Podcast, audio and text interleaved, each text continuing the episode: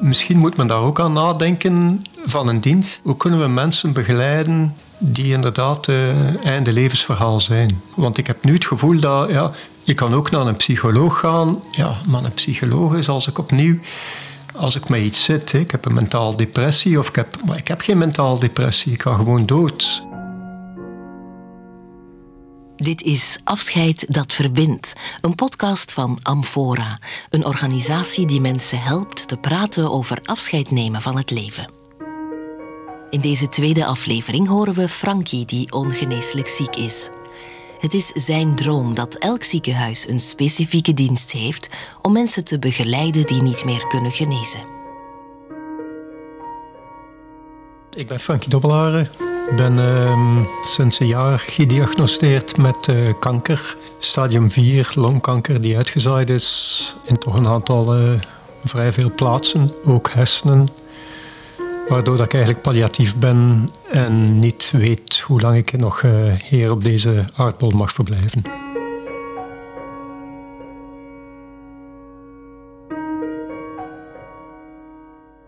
Maar ik vond uh, het gesprek met Amphora... Eigenlijk wist ik niet wat, wat ik kon verwachten. Uh, mijn partner, Judith, had uh, verteld dat er een VZW was die zo gesprekken deed. En ik vond het wel belangrijk om ehm, om iets achter te kunnen laten bij, ehm, voor mijn kinderen en voor mijn familie. Ik zat daar eventjes mee om te denken van een briefje schrijven of een fotoalbum. En toen ik hoorde van jullie initiatief om op een gestructureerde manier ehm, toch wel een aantal zaken mooi op te lijsten, dan, ehm, dan dacht ik van ja, waarom niet? Uh, laat het mij maar eens proberen. Ik, uh, ik heb er niks mee, uh, mee te verliezen. Achteraf bleek het gesprek voor mij heel erg eh, bevredigend te zijn, omdat ik ehm, de kans had gekregen om ja, toch een heel mooi levensverhaal van mezelf, zoals ik het dan zie, op een gestructureerde manier opgeschreven te krijgen. Dat dan ook nog een keer een heel mooi boekje werd verwerkt. zodanig dat, ik, dat geeft me toch wel wat comfort om te weten dat ik iets kan nalaten. Het gaf me ook wel de kans, en dat was door de gerichte vragen die ik kreeg, om toch wel uh, wat te reflecteren over mijn leven. En het hielp mij eigenlijk ook wel om het, uh, mijn, mijn levenseinde, dat er aan staat te komen, om dat meer uh, te aanvaarden. Een deel van het aanvaardingsproces, zeg maar. Het was intens, maar niet bedreigend. Soms kun je een gesprek hebben waar mensen echt wel heel diep vragen stellen, die dan als bedreigend eh, overkomen, maar dat gevoel had ik helemaal niet. God, nee, ik denk dat dat, dat, dat wel vragen zijn waar je mee zit. Hè? Maar die nu, ja, dus mooi uitgesproken te horen van iemand anders, eh, je wil helpen om het eh, ja, mooi te kristalliseren en mooi op papier gekregen te hebben. Ja het is moeilijk om te beschrijven, maar ik had eigenlijk een heel goed gevoel op het einde van het gesprek. Ik had zo alle, alles wat ik mee zat, dat ik op papier wou krijgen, dat kreeg ik op papier. Ik heb een vriend die eh, onlangs uit het leven is gestapt. En die uh, ja, liet op een, op een notatje, een post-it bij wijze van spreken, uh, een briefje achter uh, voor zijn partner, zijn kinderen, ook voor ons. En dan dacht ik van ja, dat moet toch wel beter kunnen. Hè. Dat moet toch wel fijner kunnen. En nu het feit dat het echt wel eens een heel mooi geïllustreerde uitgave is. Een heel mooi boekje, heel mooi uh, uitgeschreven. Is wel fijn om, uh, om, om achter te laten, ja. En wanneer dat ze het gaan open doen, ja, dat zal uh, ja, hopelijk niet al te snel zijn. Maar dat, dat is hun keuze uiteraard. Ja, en dan wil ik ook nog graag iets over de zorg vertellen. Dat vind ik eigenlijk ook wel belangrijk. Dat uh, de zorgverlener authentiek is. Ik denk dat dat heel erg belangrijk is. Uh, als hij vraagt, hoe is het met jou? Of als zij vraagt, hoe is het met jou? Dat is die vraag ook echt meent. Want anders moet je die niet stellen. Ik, ik, heb een tijdje in Zuidelijk Afrika gewoond. In Zuidelijk Afrika begroet iedereen met jou, met uh, hello, how are you? Maar of dat je dan nu antwoordt met uh, ja, ik voel me verschrikkelijk slecht of uh, ik voel me heel goed, mm, dat doet er eigenlijk niet aan toe. Hè. Men, men zet het gesprek verder. En zo'n ding moet je als zorgverlener denk ik vermijden. Hè. Als je iets vraagt, zorg dat het genuine is, zorg dat echt is. Anders moet je het niet vragen. Mensen prikken daardoor. Ik denk voor een goede zorgverlening ook dat je moet proberen om te vermijden dat iets routine wordt. Ik begrijp dat voor een zorgverlener de vijftigste patiënt die die dag ziet, dat dat vijftig keer hetzelfde verhaal is. Maar voor die patiënt is dat de eerste keer dat hij dat verhaal hoort. En dus, dus probeer daar toch aandacht aan te besteden. Patiënten zijn geen nummers. Ze hebben misschien wel een volgnummer, maar het zijn geen nummers. Eh, zorg dat voldoende ja, heeft ze voldoende aandacht ehm, en, en, vooral uh, authenticiteit, uh, empathie. Dat begint in een wachtzaal. Hè. Een voorbeeld, je komt binnen in een wachtzaal, het zijn daar, zeg maar iets, 30 mensen. Je hebt een afspraak op een bepaald uur. En af en toe komt de dokter een patiënt halen dan durf je eigenlijk bijna niet naar het toilet gaan. Ondanks het feit dat je daar misschien heel erg lang moet zitten. Meestal wacht je wat langer dan dat gepland is. Maar eigenlijk zijn er heel weinig mensen, denk ik, die in die tussentijd snel even naar het toilet durven gaan, uit vrees van hun plaats kwijt te zijn. En dat zijn toch kleine dingen die we beter moeten kunnen doen in de zorg. Een ander, een ander ding die ik, die ik toch wel fijn vind, naast die ehm, begroeting door een, ehm, door een verpleger of een verpleegster, die toch al vaak zich beperkt tot, uh, ja, ik ben sowieso en ik ga u vandaag behandelen, merk ik voor mezelf een kleine aanraking, uh, gewoon een keer op de arm tikken, op de schouder tikken, een klein woordje van ja, we, we komen er wel door, het duurt niet lang, dat dat toch wel uh, een heel ander perspectief geeft over, over het onderzoek. En in, in, dit geval dan concreet PET-scans of CT-scans. Want als patiënt moet je toch wel een klein beetje gerustgesteld worden. En een kleine aanraking of een klein schouderklopje, of het valt eigenlijk wel goed mee. Na 20 minuutjes ben je terug buiten. Dat, ehm, dat helpt wel om die onzekerheid weg te werken. Wat ik ook merk is dat er meer en meer computers aan te pas komen in de zorgverlening. En op zich heb ik daar wel begrip voor. Het is ontzettend complex en het heeft ook, biedt ook wel veel voordeel. Ik denk aan het digitale platform, waarbij als patiënt je, ehm, alles, al je gegevens kunt gaan bekijken. Maar we moeten wel zorgen dat het niet omslaat. Dat de, de patiënt nog altijd centraal blijft en niet de computer. Ik heb toch wel een aantal ja, voorbeeldjes waarvan dat ik merk, ik, eh, ik doe revalidatie op het ziekenhuis.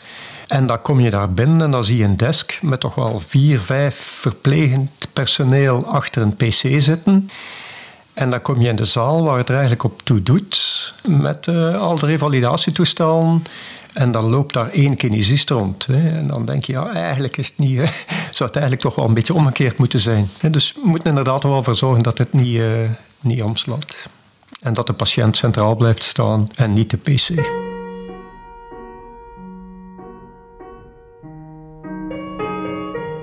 merk toch wel dat ehm, de dienst waar ik, waar ik verpleegd word, een aantal oncocoaches in dienst heeft die echt wel uh, heel erg begaan zijn met hun patiënten. Stom voorbeeld, ik had een afspraak in de radiologie en de, ehm, ja, de oncocoach was eventjes langsgekomen, ondanks het feit dat ze die dag niet moest werken, of die week. En dat is natuurlijk wel extreem, hè? Dat, dat, verwacht je uiteraard niet als patiënt.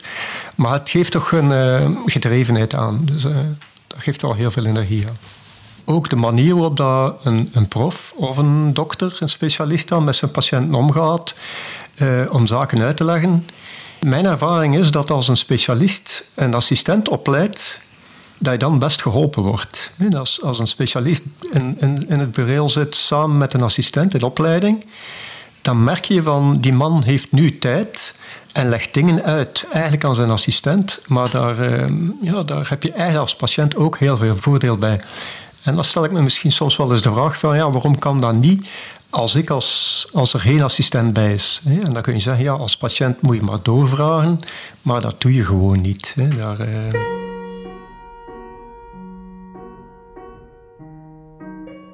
de, de plaats en de omgeving waar je een gesprek kunt, kunt voeren, vind ik heel erg belangrijk. Zelf had ik mijn eerste gesprek met psychologen van het team in het gebouw radiologie.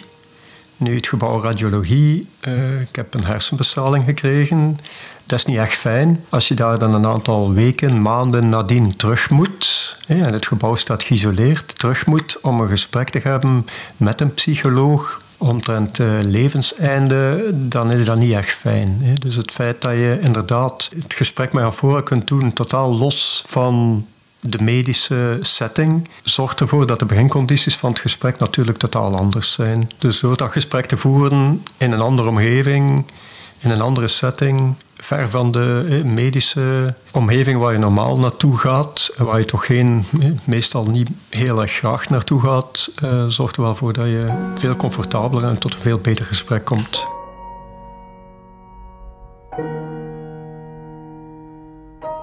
Een tip die ik eh, kan meegeven aan mensen uit de zorg, als ze mensen begeleiden die niet meer kunnen genezen, denk ik dat empathisch meevoelen met de patiënt zonder daarin te overdrijven. Geen verhaaltjes vertellen van ja, het levenseinde komt eraan, het is zo.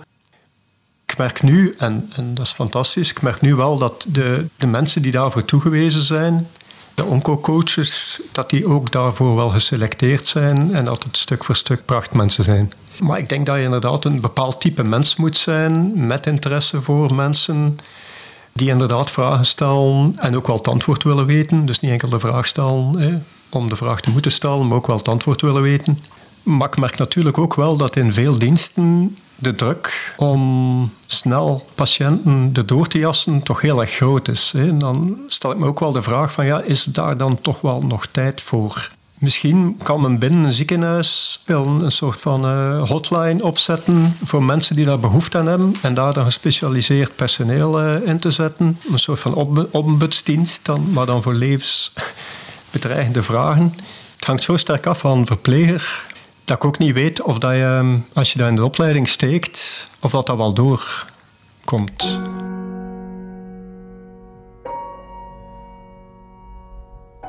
Als je, als je naar het ziekenhuis gaat, dan heb je steeds het gevoel van: oké, dit is hier iets medisch. Heb je geen pijn? Ja, ik heb pijn daar. Uh, en nu heb je gisteren gevoeld: ja, ik heb daar wel een beetje pijn. Maar dan ga je eigenlijk niet over het mentale welbevinden. Dan ga je eigenlijk ook, en, al helemaal niet over het uh, leven zijn gaan praten. Die setting is, is zo gericht op het, uh, het medisch welzijn. Naar een ziekenhuis ga je om beter te worden. Niet om te horen te krijgen dat je gaat sterven en dat je daar toch eventjes, misschien toch wel eventjes over kunt praten met iemand. Dat, is, dat is niet de juiste setting daarvoor.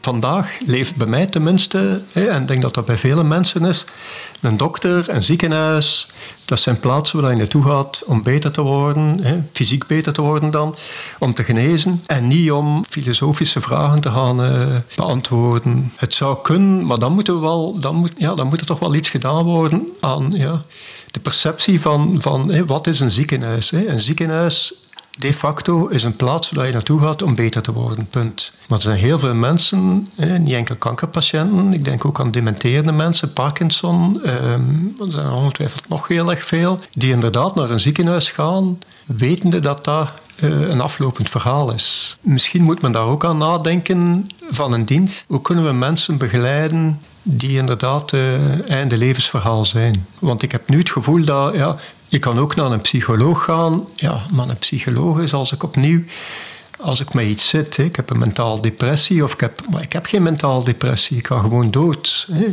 Dus ik hoef ook niet te horen van een psycholoog van dat, daar een, uh, dat daar verschillende processen zijn. En ik wil gewoon iemand die naar mijn verhaal luistert uh, en dan, zoals bij Amphora, het ook mooi uitkristalliseert, iets tastbaars meegeeft. daar heb ik behoefte aan. En ik denk zoals ik nog veel andere patiënten. Dit is Afscheid dat verbindt, een podcast van Amphora over einde levensgesprekken. De rol van humor in de zorg. Ik lag de eerste of de tweede keer dat ik chemotherapie kreeg, deed ik een, uh, een poll bij mijn vrienden, een WhatsApp-groepje. Van kijk mensen, ik krijg je vandaag weer uh, een witte bakster aangeboden. Het is opnieuw gin en tonic. Zijn er, uh, zijn er suggesties voor iets anders? En had een van de vrienden direct geantwoord, ja, misschien uh, moet je eens een goede whisky vragen. Een Schotse whisky. Dus ik had daar gezegd aan de verpleging van kijk, ja, mijn, mijn vrienden zijn eigenlijk een beetje ontzet. Ik heb een pol gedaan en, en ze zouden eigenlijk toch wel graag iets anders zien als die een gin. En dan is er een verpleger een, een bruine bakster gaan halen heeft hij aan de, aan de dingen gehangen. Uiteraard niet ingespoten. Hebben er snel een foto van genomen. En uh, doorgestuurd aan de vrienden. Dus dat is wel, uh, wel heel erg fijn. Dit was de tweede aflevering van Afscheid dat verbindt. Een podcast van Amphora. Interview Hilde Ingels. Opname en montage Leo August de Bok. Muziek Damien Lemonnier. Met de steun van Sereni en Triodos Foundation.